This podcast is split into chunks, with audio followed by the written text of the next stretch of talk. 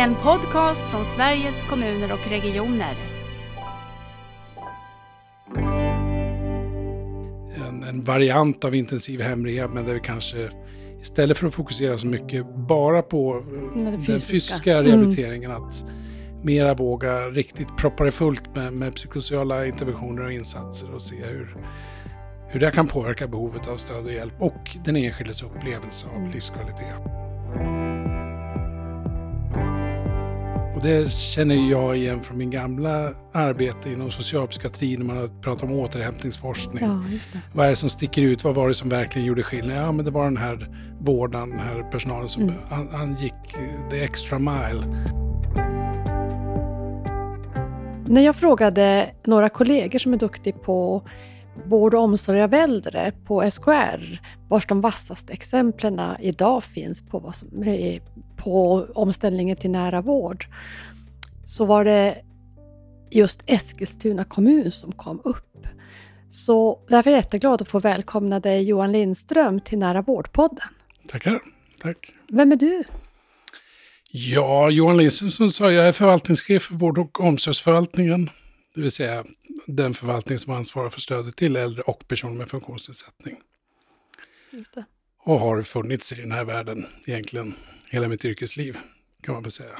Framförallt eh, många år fokus på funktionsnedsättningsområdet och eh, som allra mest fördjupat kanske socialpsykiatrifrågor. Mm. Och när blev du eh, chef för äldreomsorg eller har du varit det hela tiden? eller? Nej, det, egentligen, jag blev biträdande förvaltningschef 2013 tror jag. Och det var väl egentligen första gången som jag på riktigt fick ett, eh, kliva in mer ordentligt i äldreomsorgsfrågorna. Som jag egentligen, om jag ska vara ärlig, hade aktat mig för väldigt länge. Mhm, varför det? Är, jag, som sagt, jag kommer ju från funktionshindersidan och tyckte det var, det var mer präglat av utvecklingsarbete, riktigt fokus på den enskildes förmåga att stötta och sådär. Och spännande tid, som sagt, inom socialpsykiatriområdet med, med en väldigt förbättrad kunskapsbas där det verkligen fanns interventioner att implementera i den kommunala verksamheten. Och det, min bild då, mer av äldreomsorgen, var att det var ganska eh, statiskt och eh, ja, kanske inte var så präglat av den här fokuset på, på, på utveckling och rehabilitering, habilitering. Så där. Men det kan väl säga att jag, jag har en helt annan bild idag. Har du det? Ja, verkligen, verkligen. Det finns ju... Jag tycker att det bland de här lite ledande exemplen som sitter i, i mig när jag tänker på omställning mot nära vård. Så dels är det, jag fick lyssna på Odense i Danmark Mm. för det flera år sedan. Och sen också Lappenranta i Sydkarelen i Finland. Och jag tycker det de två har så mycket gemensamt och som du också säger nu, det är det fokuset på förmågan och, och Mm. självständigheten. Eh, är det någonting som har varit bärande nu i det ni gör i Eskilstuna? Ja, det måste jag verkligen säga. Det, vi har ju jobbat med... Eh, vi började för ja, flera år sedan med att försöka formulera oss. Medan den utmaning vi står inför är ju välkänd med, med den, ja, effekten av den demografiska förändringen.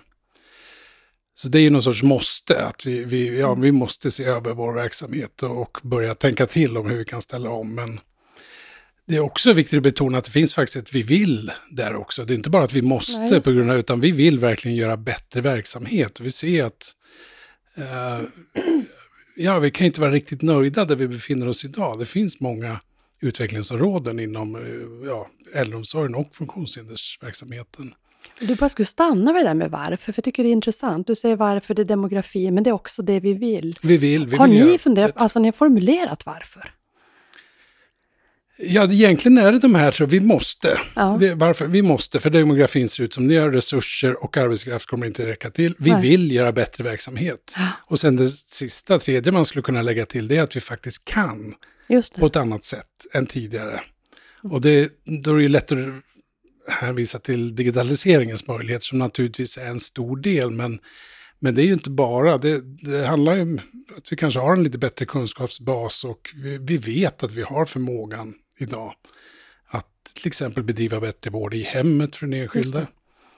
Så att varför vi behöver göra någonting, det skulle jag sammanfatta det med. Att, ja, vi måste, vi vill också göra det bättre och vi, vi har faktiskt förmågan, möjligheten idag.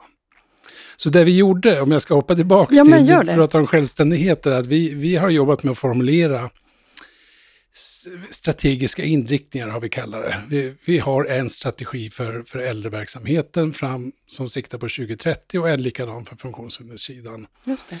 Och det här gjorde vi för tre, fyra år sedan, så det var en, ett hyfsat avstånd fram till 2030, vilket jag tror är en, en fördel att försökte involvera ganska många yrkeskategorier i verksamheten som framförallt fokuserar på att jobba med utveckling och så vidare. Och Mm.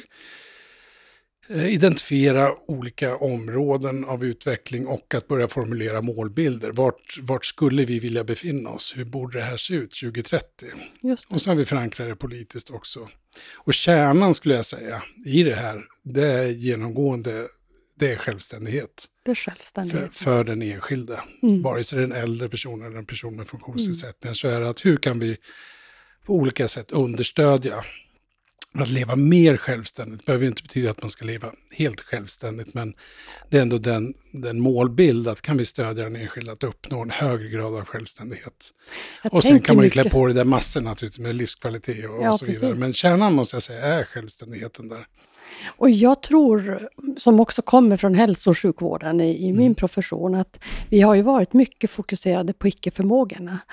Men också att det finns förmågor hos kanske de som vi bedömer Mm. tror inte har så mycket förmågor och då självständigheten att kunna leva ett bra liv. Mm.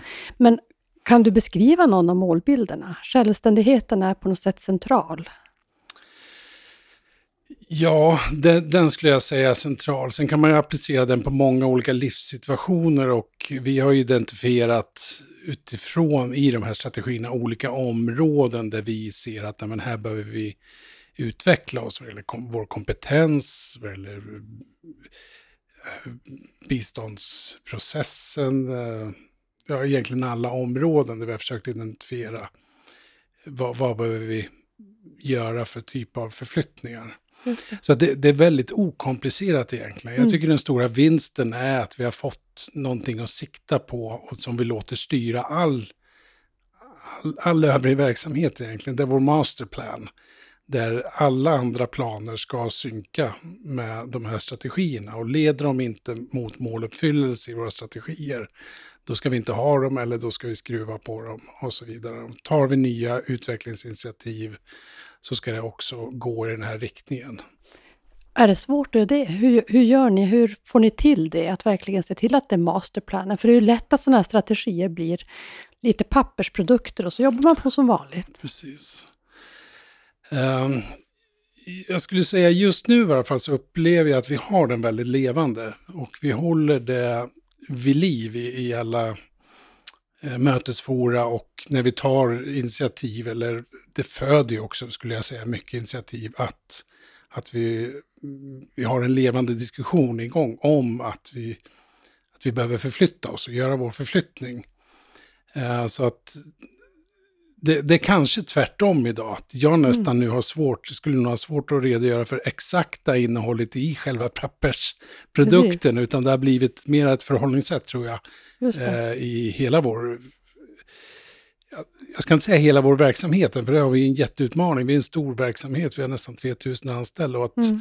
Men det är väl där vi jobbar på nu, att verkligen få, få, få den här känslan i hela förvaltningen, att vi står i ett vi står i ett steg nu där vi behöver börja förflytta hela vår verksamhet och gärna få loss all den kraft som finns i organisationen med att vara innovativa och hitta nya arbetssätt och, och våga förflytta oss mot det här högre målet att hur kan vi, vi skapa en högre grad av självständighet, meningsfullhet, delaktighet för den enskilde. Superspännande. Tänk vi får hänga kvar den där, där tråden så vi tar upp lite grann kring ledarskap och styrning sen. Nu är jag nyfiken och skulle vilja höra om du kommer ner i verksamheterna. Vad är det ni gör? Hur, hur ser det ut i, i era olika eh, arbeten som ni gör utifrån de här strategierna? Jag skulle säga att, att vi är ju mitt i det här steget, så jag tror att man kan hitta... Vi har några exempel, några områden där vi verkligen har tagit kliv och sen Mm. har vi områden där det inte alls har hänt särskilt mycket. Så det, det, vi, är, vi är inne i en förflyttning, vi har inte genomfört den. Så att säga. Vi har det här siktet på 2030. Just Nu är väl, det är väl mer en, en ja, Men där ni har tagit steg då, vad är det för steg? Någonting som är ganska omtalat just nu, får mycket uppmärksamhet utifrån, det är vårt arbete med intensiv hemrehabilitering till exempel. Som, eh, ja, som är, det är ett ganska bra exempel på, på den typ av insatser som vi vill göra och den typ av arbetssätt. Mm. tycker jag att, att, Berätta om det, vad är det? Alltså grunden i intensiv hemrehabilitering är väldigt, väldigt enkel. Det, det handlar ju om att tanken var egentligen att skulle det kunna vara så att om vi på riktigt maximerar en rehabiliterande insats, ger mycket tid till brukarna eh, i starten, när man till exempel för första gången söker om omvårdnadsinsatser inom hemtjänsten. Just. Skulle det kunna vara så att vi genom att göra det riktigt ordentligt från början skulle kunna minska det långsiktiga behovet av insatser. Mm.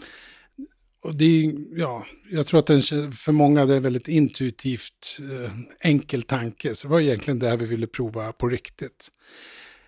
Vi kom inte på den här. Jag var i Danmark och tittade i Fredericia. Okej, Eh, där, de har, eh, där de då, vid den här tiden, redan hade jobbat ganska många år eh, med motsvarande intensiv hemrehabilitering. Och jag var ute och letade precis då efter bra exempel som man kunde tillämpa inom äldreomsorgen på, på, för att ja, ha ett mer intensivt eh, tränande, rehabiliterande. Och det är Arbetssätt. teambaserat va? För det har jag som fattar när jag läst på. Ja, att ni precis. jobbar med team, vad består de i för professioner och hur fixar de det? Det är i stort sett de vanliga professionerna som jag skulle säga att de flesta kommuner har tillgång till i hemtjänst. Eh, Det är undersköterskorna i basen. Sen har vi sjuksköterska påkopplad. Vi har fysioterapeut, arbetsterapeut. eh, Och det som kanske man normalt inte har och som inte danskarna hade heller, det är en beteendevetare. Det är ju intressant. Ja, det är intressant. Det är det.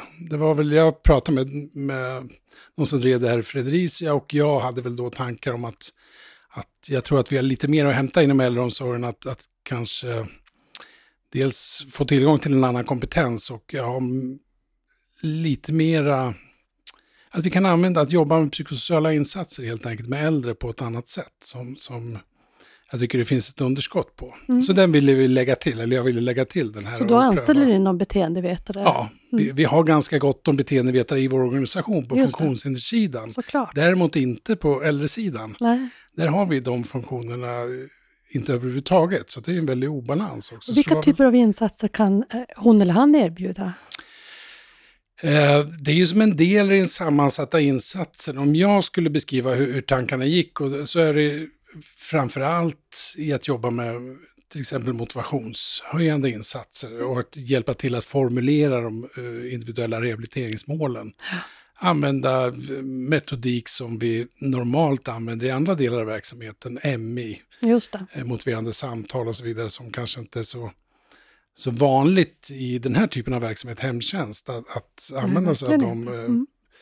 Men det, det finns ganska gott kunskapsstöd för att det fungerar bra med äldre.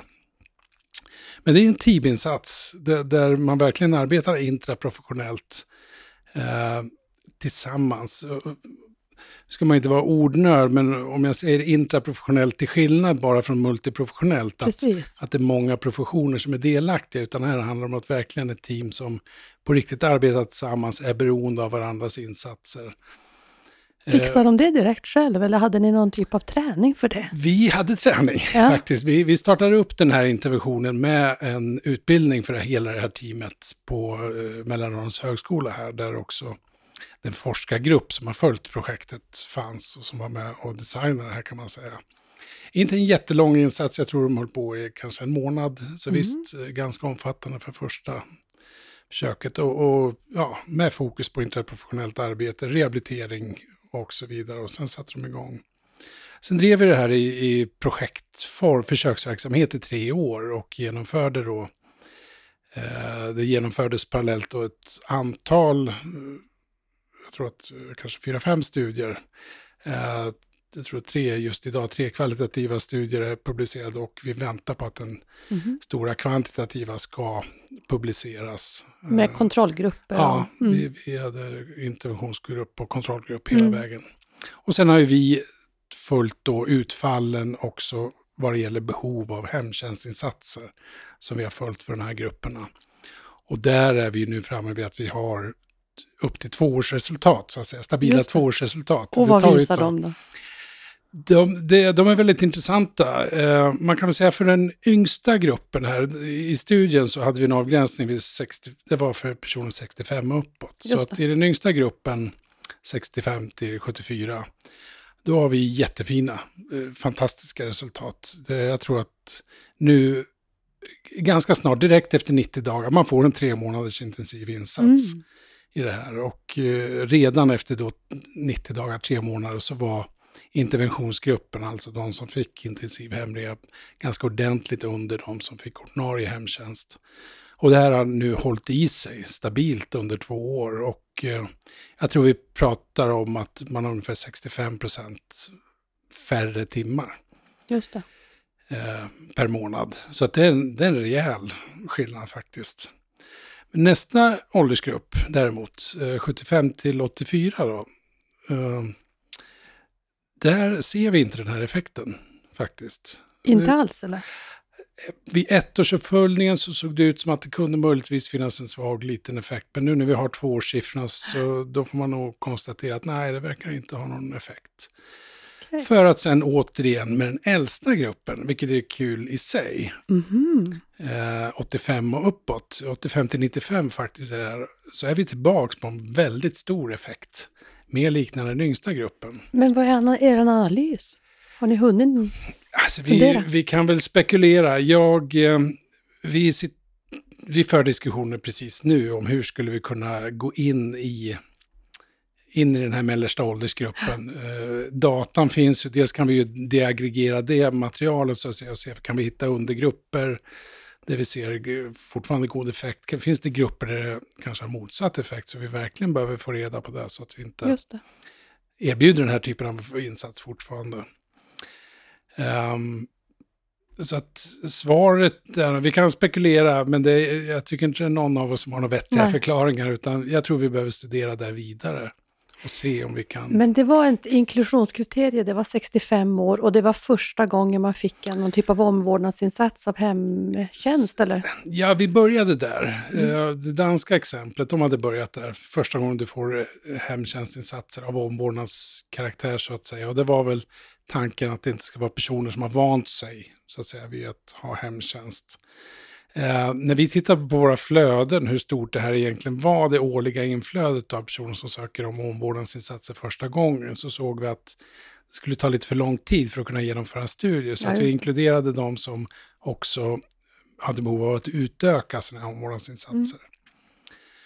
Eh, Så att de två grupperna ingick i studien och, studien. Och nu har vi ju permanentat den här verksamheten. För, det gjorde vi för några år sedan. Och nu håller vi precis på att fördubblar den verksamheten.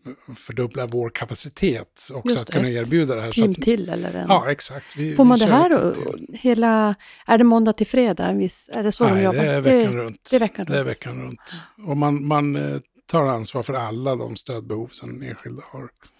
Otroligt Så att, så, summa summarum ändå för 60 procent av den undersökta gruppen så var det här väldigt eh, påtagliga effekter och eh, man rapporterar ju en väldigt nöjdhet. Eh, man trivs med den här insatsen, man gillar det, eh, hög kontinuitet. Ekonomiskt så är det ju en, Mm. väldigt fördelaktig. Det, Mm. det, det, det blir ganska stora summor som det här har ekonomisk potential att då kosta mindre men väsentligt mycket högre kvalitet för den enskilda. Såklart. Och vad säger medarbetarna? De är också väldigt nöjda, kan jag säga. Det, det, jag tror att det är nog väldigt många som egentligen, det är precis så här man vill arbeta. Att man har utrymmet, man har tiden att på riktigt eh, arbeta med träning och, och motivation hos den enskilde. Man har tiden att sitta på händerna så att säga och eh, verkligen komma nära. Ja. Och jag tror också eh, otrolig styrka i det här att, att vara committad som personal att tillsammans med den enskilde verkligen jobba på att formulera vad är de viktiga målen för dig Självklart. just. Precis. Vad är viktigt i ditt liv? Precis. Och sen, sen committa på att ja, men det här ska vi hjälpas åt att nå.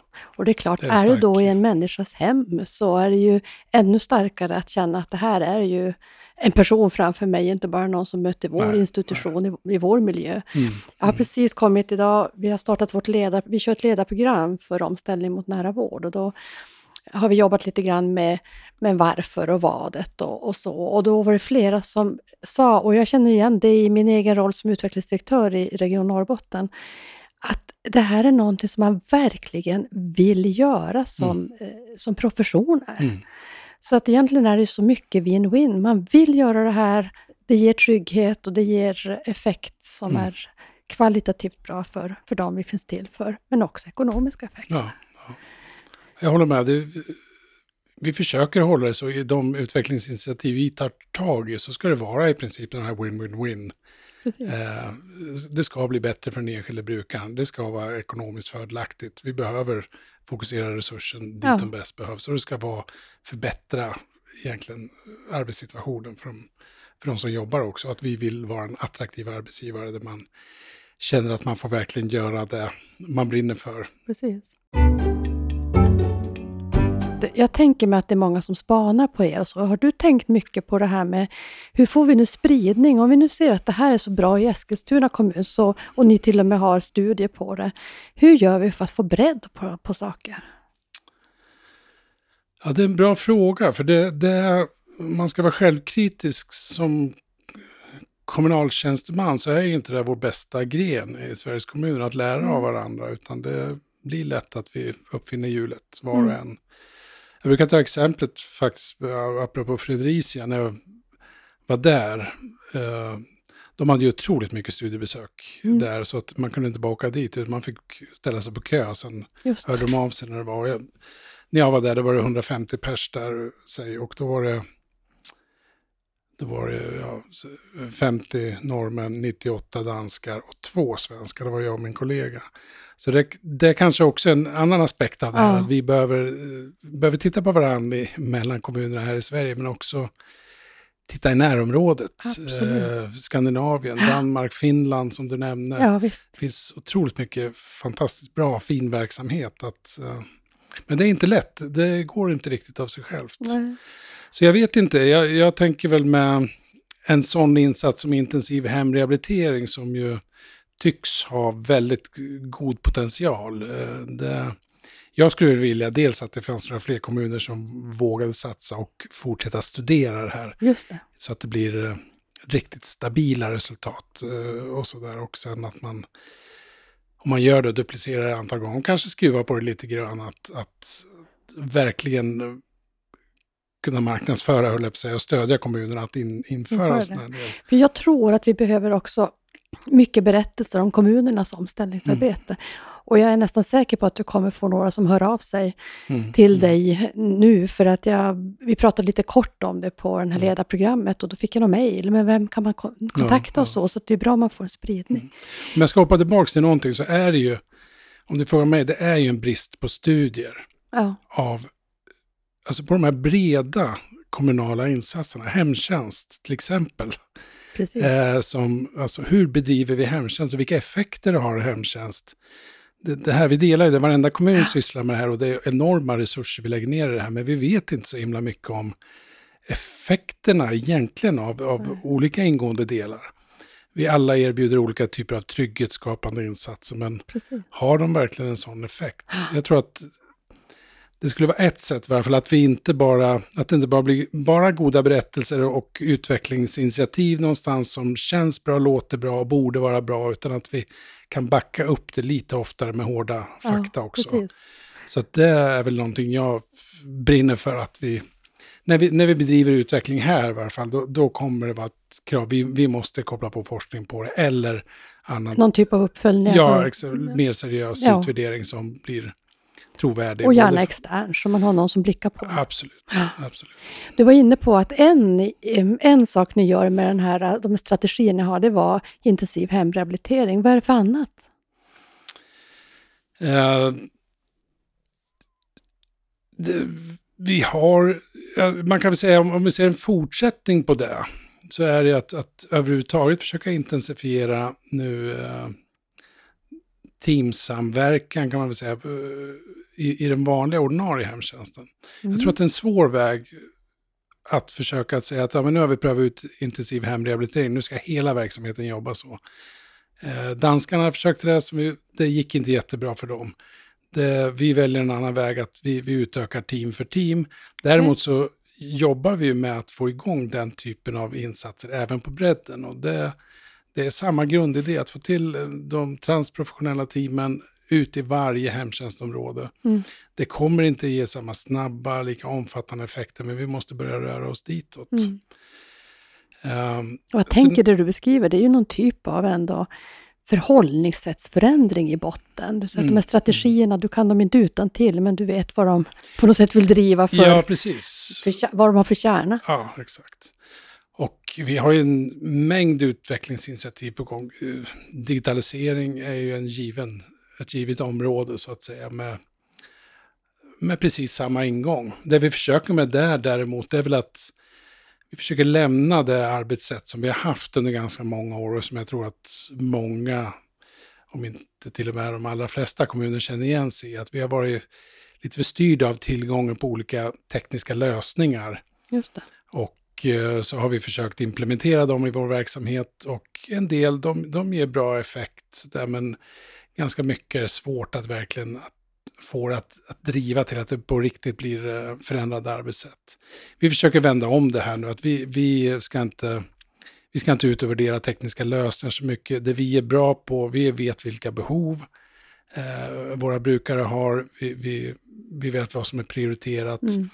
Så vi, vi försöker vända på det. Vi formulerar vilka behov som finns och vad vi vill uppnå. Okay. Till exempel självständighet mer mm. i högre grad för den enskilda. Sen eh, samma, försöker vi hitta en aktör som kan hjälpa oss att, att uh, skapa en helhetslösning.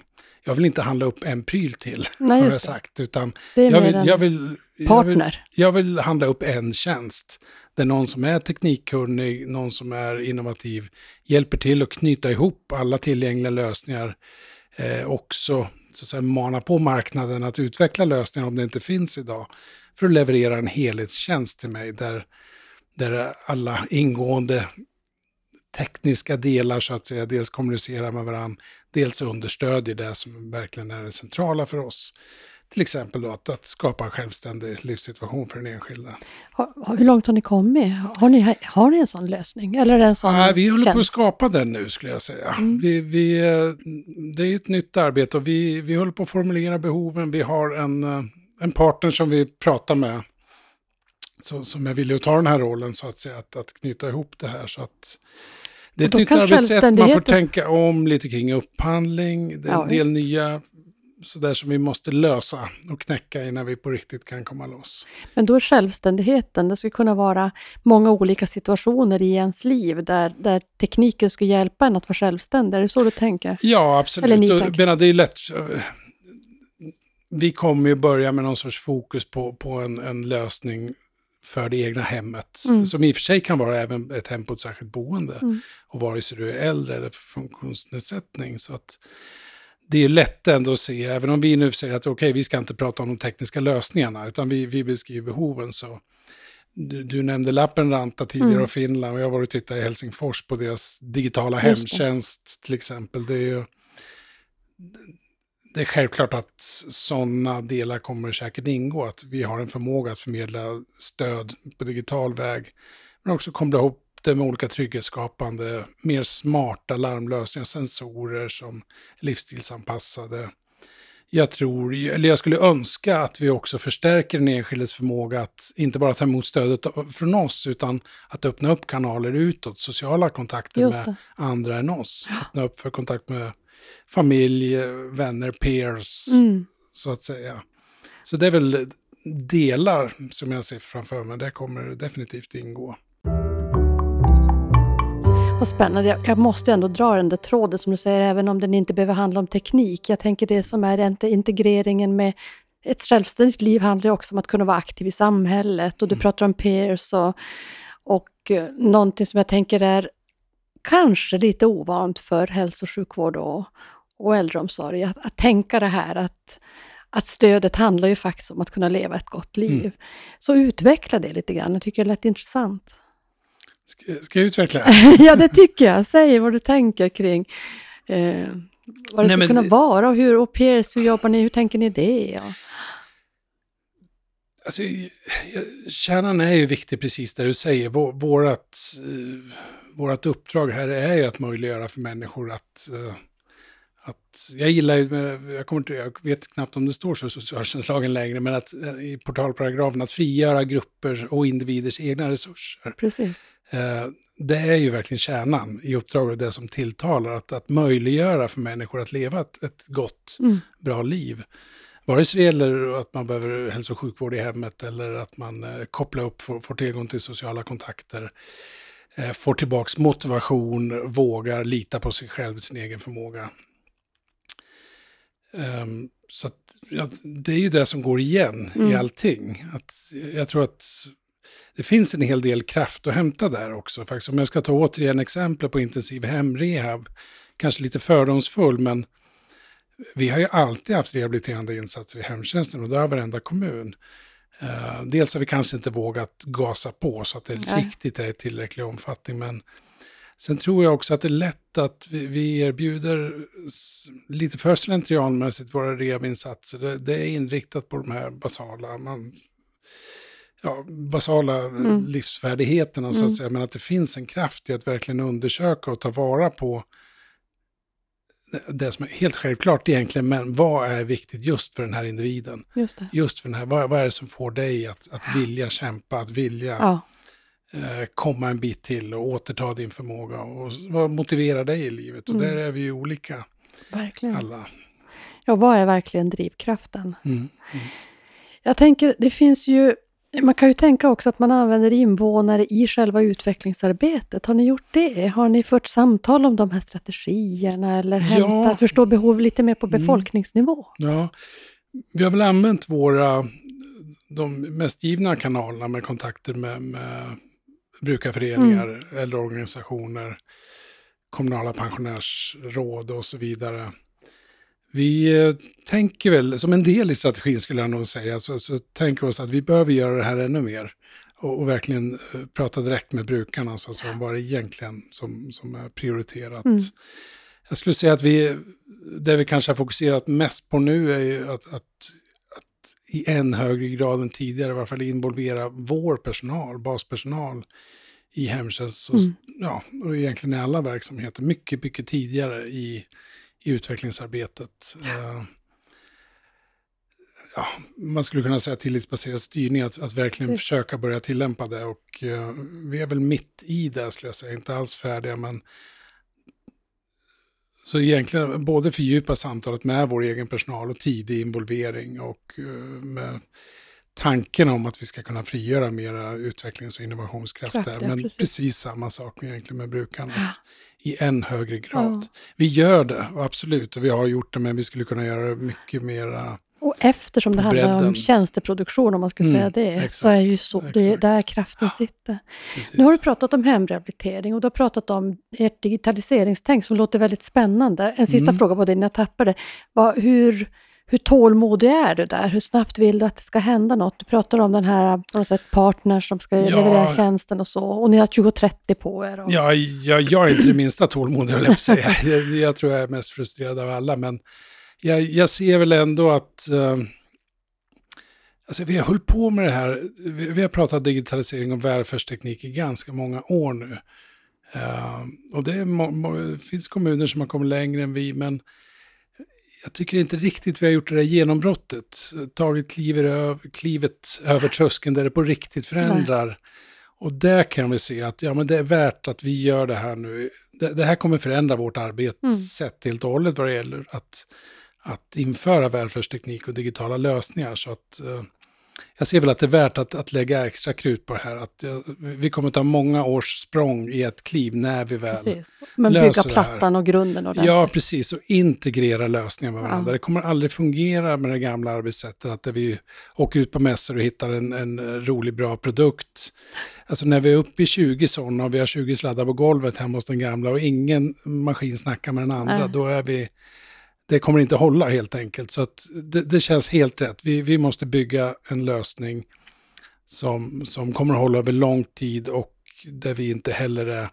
Alltså teknikutvecklingen är ju otroligt snabb så där att jag vill inte köpa hårdvara, jag vill inte köpa Nej. en tillsynskamera som är, som är passé innan upphandlingsprocessen är över, utan jag vill, jag vill köpa en samlad tjänst där någon mm. annan som dessutom har en helt annan kompetens än vad vi har faktiskt, att eh, både designa och se till att det här fungerar. Så att, eh, jag är inte särskilt tålmodig, men eh, jag förstår att lyckas vi med det här, då, då kommer vi ta stora kliv. Och då Absolut. kommer vi på riktigt kunna eh, både förändra våra arbetssätt och förändra känslan av, av trygghet och självständighet för den enskilda.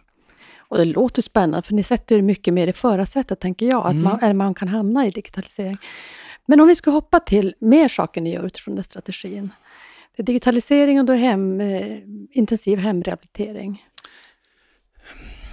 Jag skulle säga, alltså, ja, nära vård skulle vi ja, kunna prata om faktiskt. Prata om vi driver ju ett, mm. ett nära vårdteam tillsammans med regionen här, helt nystartat. Men mm. jag tycker att allting det här ligger på samma axel, så att säga. Att det handlar om att gå från reaktiva insatser till proaktiva, ja. tidiga samordnade ja. insatser. Det är intensiv hemrehabilitering, det är, ja, oavsett vad det är. Och samma sak med nära vård. Så det där är nära vårdaxeln, tänker jag. Ja, precis. Ja. precis. Mm. Och från, från delar till helhet mm. sådär.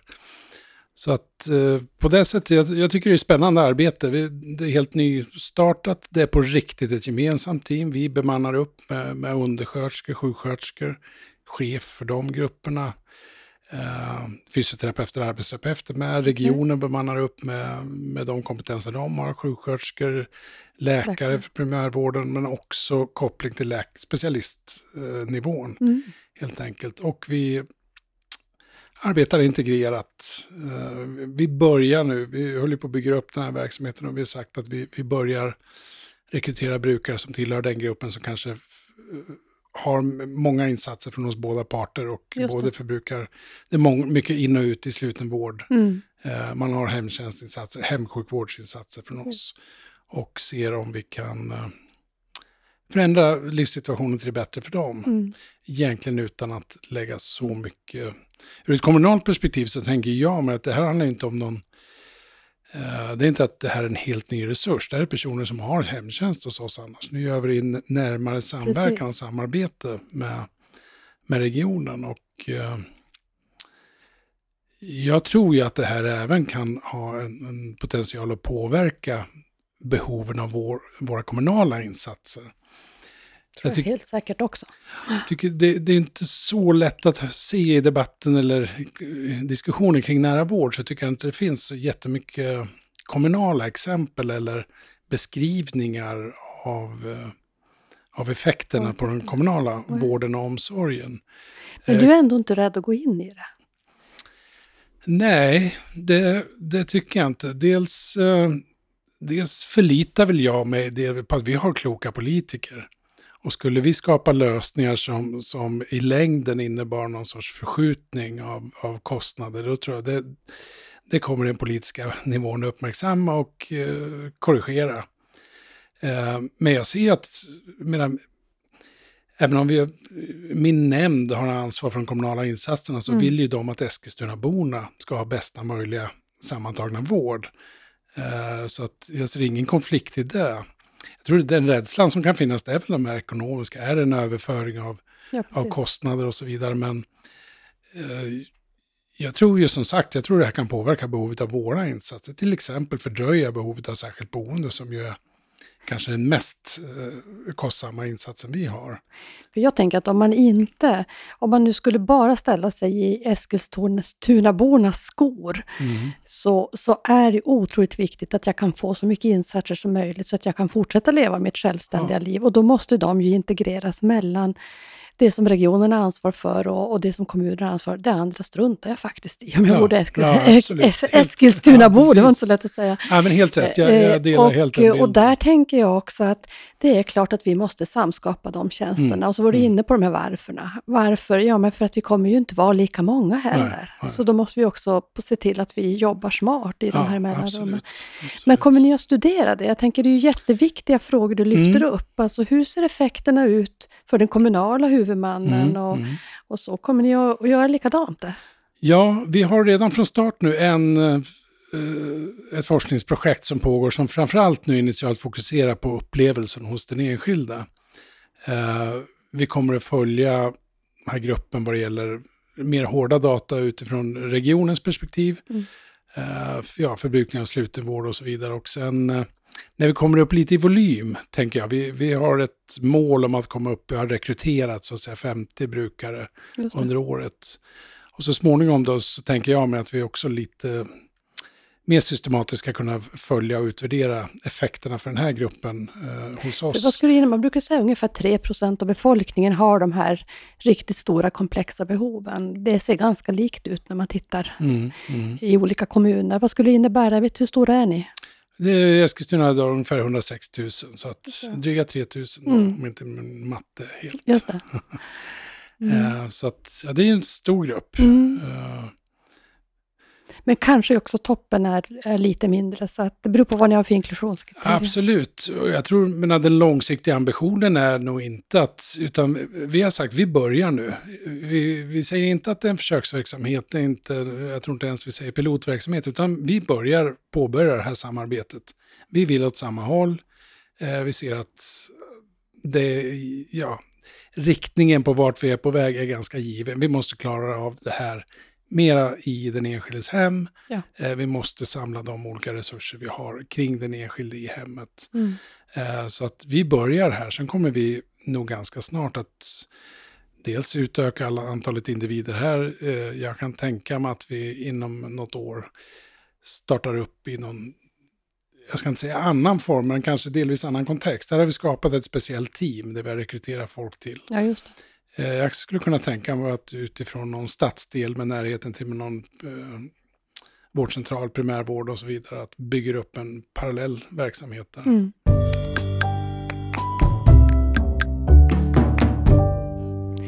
Hur kom det sig att det här kom till? Har det varit och spanat ute i, i Skandinavien på det här eller i Sverige på det här sättet? Och, och hur kom ni, hur ser ert samarbete ut, era ytor för att mötas ni på ledningsnivå? Det är två frågor vet jag. Ja, jag tror inspirationen, alltså det här är en rörelse som, som eh, det finns ju ganska tydligt, har ju varit högt upp på agendan i Sverige och Mm. är ju naturligtvis även i våra grannländer och ute i Europa Mm. finns det ju också en stor rörelse. Så att det är klart, vi spanar, jag spanar däråt, men eh, det här har nog varit mycket drivet av den svenska debatten och det som har pågått. Vi har en väldigt välfungerande ledningsstruktur, ska jag säga, inom, vi kallar det närvårdsstruktur i i Sörmland, där vi har en, en väl utbyggd samverkansstruktur, där, där vi ständigt möts, så att säga. Dels lokalt i varje länsdel med arbetsgrupper för äldre, för barn, för psykiatri och så vidare. Och sen också en länsgemensam styrgrupp och en gemensam nämnd för socialtjänst och vård. Mm. Så strukturen för att mötas och börja diskutera det här är god. Och sen just i vårat initiativ här i Eskilstuna så var det mer att vi, vi samlades några av de ansvariga cheferna, jag, eh, och sjukvårdsdirektören på regionen och eh, chefen för vårdval. Och, ja, mera prata i termer, är det inte dags att vi gör någonting nu? Vi har snackat Just om det här länge och kan vi hitta något område? Det. Så att egentligen blev vi överens om tre delområden i det här. Dels det här teamet som nu är igång. Mm. Men sen blev vi också överens om att försöka fokusera på, jag skulle beskriva det mer som någon sorts indikerad prevention. Hur kan vi Ja, gemensamt hitta sant. de här som ligger, som ändå... Börja nå- svikta eller? Ja, det det? kan ja. vi hitta tidiga signaler Mm. eh, eh, vid ett visst eh, primärvårdsförbrukningsmönster Mm. så kan man dra slutsatser om att man snart behöver kommunala hemtjänstinsatser och så vidare. Vi får se hur det där, det, det är mera uppstarten och sen var vi också överens om mera eh, breda preventiva insatser gemensamt. Okay. Har ni kört igång det också? Eller? Arbete pågår, planering pågår, eh, det gör det. Det är inte lika konkret mm. än skulle jag säga. Men alla tre spåren lever. Mm. Vi, vi har gemensamma processledare så att säga från region och kommun som jobbar tillsammans. Mycket fokus nu har varit i uppstarten av det här nära vårdteamet. Ja. Du sa att det är både primärvården som är involverad, mm. också specialistkompetens från sjukhus då, eller? Ja. Vad kan det vara för typ av kompetens? På specialistnivå? Ja. Eh, som jag uppfattar konstruktionen nu på regionen så har man en ingång, så att säga, på specialistsidan som sen slussar vidare till rätt specialitet. Just det. det kan ju naturligtvis vara vilken... Så det kan vara vilket som? Ja, vilken som. Mm. Ja, det blir intressant att följa. Jag har mm. hört mest alltså antingen hemsjukvårdsteam och då är det ju mm. primärvården som bemannar mycket, Precis. eller så är det närsjukvårdsteam. Och då är det mer kanske geriatriker och internmedicinare. Ja. Här kanske ni gör någonting som är lite annorlunda? Ja, mm. det tror jag delvis. Alltså det är, det, jag ska inte ge mig in och prata om regionens olika utmaningar, men det finns ju utmaningar mellan att, att vi ska närma oss, så att säga, mellan mm. kommun och region. Men, men uh, det är ju stora strukturer. Det, det, finns ju naturligtvis utmaningar med, med hur får man ihop specialistvården med primärvården och att få allt det här till att bli ett Precis. sömlöst system, så att säga, utan för stora mellanrum ja. och glapp. Jag tycker det är så spännande att höra lite grann kring ledarskap och också styrningsfrågor. För du säger om vi ska få ihop de här mellanrummen, vi behöver jobba mycket mer integrerat. Tänker du att, att vi också måste ställa om det som handlar om ledning och styrning och uppföljning? Och, och har ni börjat det i så fall?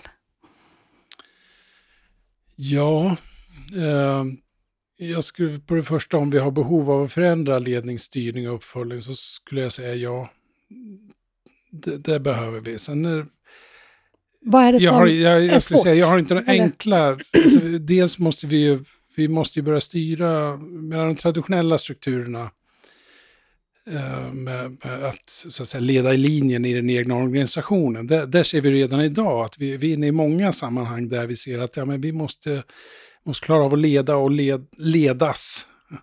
Eh, på andra ledder, när vi jobbar mm. i de här transprofessionella teamen, eller som exemplet nära vårdteamet, där vi respektive yrkeskategori, de har sin organisatoriska tillhörighet i sin vanliga Precis. hemorganisation.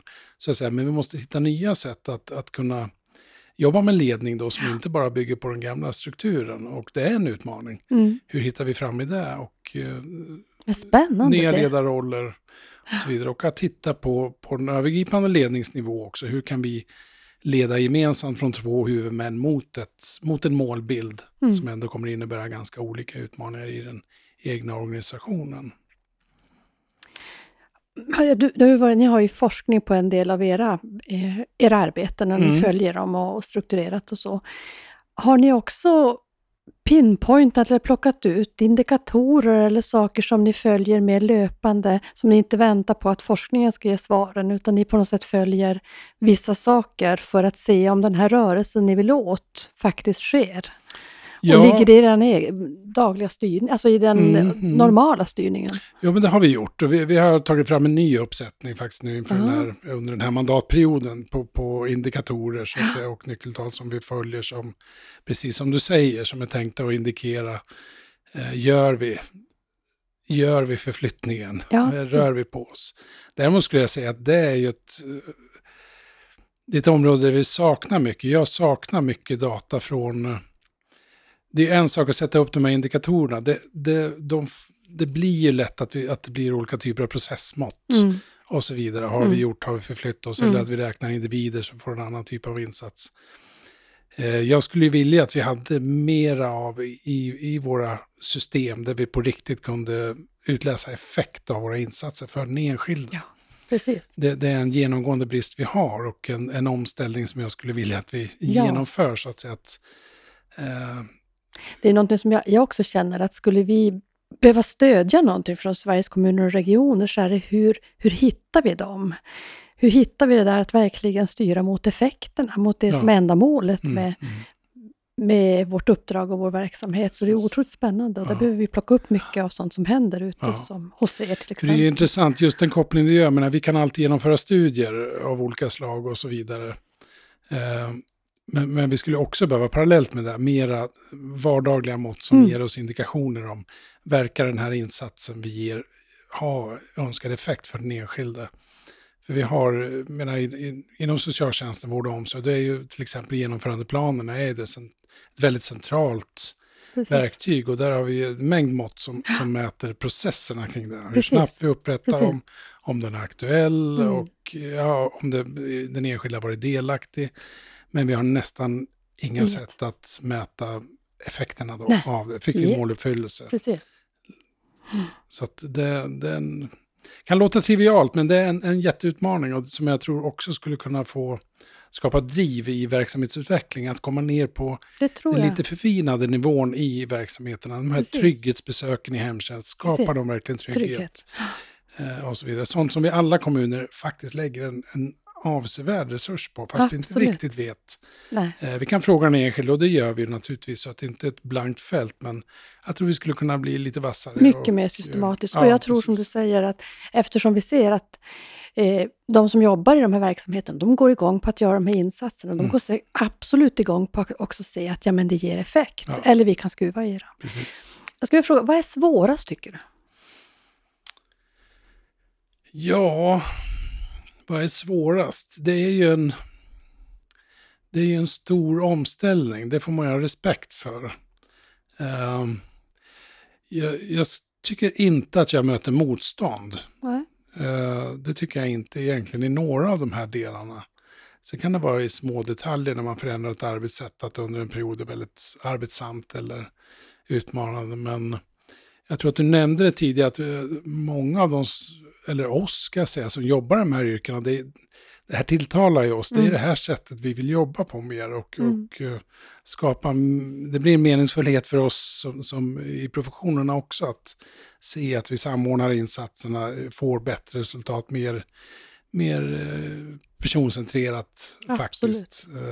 Jag tror att frustrationen över det fragmentariska systemet idag finns nog hos brukare, anhöriga, men också hos oss i professionen. Så att ett motstånd upplever jag egentligen inte, utan det, det handlar nog snarare om att, som alltid vid, vid en större och ganska komplex Mm. förändring, det här är ju inte någon sån linjärt förändringsarbete, så att säga, Nej. utan som i våra fall, vi försöker prata i de termerna. Vi vet ungefär vad. Vi vet ungefär hur det här målbilden kring 2030 ser Mm. ut. Men vi har inte alla svar på hur når vi den. Vi har en hel del ledtrådar just nu och vi börjar skapa, producera kunskap som ger oss vägledning. Men, men jag har inte alla svar på vad vi gör om sju år och exakt hur lösningen ser ut då. Utan förhoppningen är att vi genom att våga prova och Precis. ta oss fram stegvis eh, hela tiden förbättra, utvecklar helt nya arbetssätt förhoppningsvis. Vad driver dig då? Ja, vad driver mig? Jag, jag tycker det är oerhört meningsfullt eh, och stimulerande. Jag, eh, brukar säga det, jag har personligen väldigt svårt att se eh, vilken typ av ansvarsområde eller område man skulle verka inom som kan vara lika spännande Mm. som att leda vård och omsorg på 2020-talet. Men, eh, ramen är given på något sätt med den, de utmaningar vi står inför. Det, är- det är det enda vi vet med säkerhet. att Vi kan inte bara göra som vi alltid har gjort. Och det driver mig att, Ja. att försöka med, tillsammans med hela de, de stora kollektiv som det är, vare sig personal, brukare, Mm. vårdgrannar och så vidare, att, att faktiskt göra en förflyttning och hitta nya bättre sätt. Och som sagt, inte bara för att vi måste, det ska inte bara bli billigare eller eh, Nej. eh, ska klaras med mindre personal, utan samtidigt göra med en ökad kvalitet för den enskilde. Och eh, ja, skapa de värdena för den enskilde. Det är en fantastisk utmaning. Svårt på riktigt för mig att se något annat som skulle vara så stimulerande. En häftig formulering tänker jag. Vad kan vara bättre än att driva, Ja, jobba i ja. vård och omsorg Ja. under 20-talet, eller Ja, 2020-talet? Ja, Jag tror det, det är en bransch för de järva och eh, de som vill framåt och prova lite nya lösningar och vill bidra med sin kompetens på riktigt, få använda den. För det kommer vi behöva. Mycket kloka, kunniga människor. Är det något vi inte har pratat om, som vi behöver prata om? Um, nej, jag tror vi var inne på många... Jag, jag skulle kunna utveckla Gör. ett litet område. Vi var inne på det, jag vet inte hur mycket vi pratade om det, men uh, vi pratade om beteendevetarens roll i intensiv hemrehab. Jag pratar gärna om det. Ja, mm. det, och där skulle man kunna vidga lite att uh, där ser väl jag också en, en outnyttjad potential, tänker jag. Att, uh, vad skulle vi genom att implementera mer breda interventioner, arbetssätt inom äldreomsorgen som verkligen har tar fasta på den, på den kunskap som finns tillgänglig eh, vad det gäller jag använder helst psykosociala istället för bara sociala behov. Men ja, kanske mer att ta... Det är inte så att vi saknar utmaningar. Det är, vi är alla överens om att äldres psykiska ohälsa är en jättestor mm. utmaning. Men vi har inte riktigt svaren. Annat, menar, självklart specialister har i psykiatrin och så vidare. Vi vet vilken typ av behandling ungefär. Men att interventioner som vi skulle kunna implementera i basverksamhet, ja. där vi möter den enskilde varje dag i hemmet. Eh, där tror jag vi har oerhört mycket att hämta. Motivationsarbete pratar vi om ja, också. Att, så jag skulle vilja, en del i vår strategi, ett av målen, är att öka andelen med, med en eh, beteendevetenskaplig högskoleutbildning, kan man väl uttrycka det. Vi har ganska väl försett vad det gäller hälso och sjukvårdsspåret, så att mm. säga. Vi har undersköterskorna, Även om de har en, en omsorgsutbildning också så är det ändå präglat av kulturtradition från ja, hälso och sjukvårdsområdet. Mm. Den nästa nivån så att säga är sjuksköterskan och med olika specialiseringar och när mm. de behöver stöd så har vi läkaren från mm. primärvården. Vi har inte riktigt samma kompetenskedja vad det gäller de, de eh, psykosociala behoven.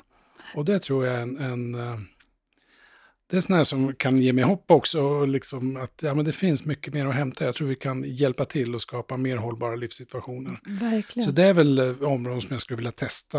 Jag skulle gärna se en, en variant av intensiv hemrehab, men där vi kanske istället för att fokusera så mycket bara på eh, den fysiska, fysiska mm. rehabiliteringen, mm. att mera våga riktigt proppa det fullt med, med psykosociala interventioner och insatser och se hur, hur det kan påverka behovet av stöd och hjälp och den enskildes upplevelse av mm. livskvalitet. Otroligt intressant. För jag, tänker då, jag tänker nära vård eh, kan ju också låta ganska organisatoriskt, mm. men om man tänker mm. att innehållet faktiskt handlar om ett skifte i förhållningssätt, så blir det också ett skifte i att vad behöver vi för kunskap och kompetens för att se hela ja. människan och ta vara på drivkrafter. Och, så jag känner att det är en otrolig tid att jobba i, att vi också börjar se den här helheten. Mm, mm. Människan som, som den helhet ja, människan precis. är.